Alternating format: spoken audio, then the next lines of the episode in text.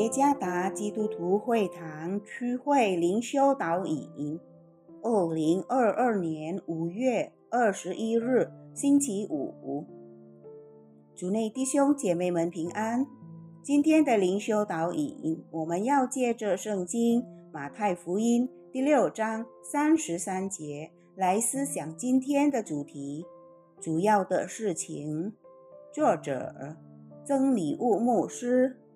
马太福音第六章三十三节：你们要先求他的国和他的义，这些东西都要加给你们了。寻求神的国和神的旨意，是信徒应该思考和做的主要事情。过专注于神旨意的生活，不要再为其他事情忧虑。全能神关心我们的生活。所以，我们不必为任何需要而忧虑，因为当我们专注于遵行他的旨意时，他一定会足够我们所需要的一切。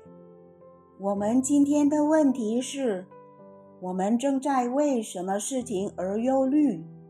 现代许多人不为食物或衣服而忧虑，也不是为他们的生活。不讨神喜悦而忧虑，所忧虑的是，如果他们的存在不被社区群体认可接纳，因此他们愿意做出各种努力来获得认可。如果能够以平衡他人的成就来显示出自己的存在，他们才会感到安心和满足。在不知不觉中跟随这种趋势的生活方式，使人们更害怕失去风格，过于敬畏神。他们专注于自我存在感，而不是为神而过圣洁的生活。过圣洁的生活不再是优先事项，只是随随便便。马马虎虎而已，但愿这样的事情远离我们。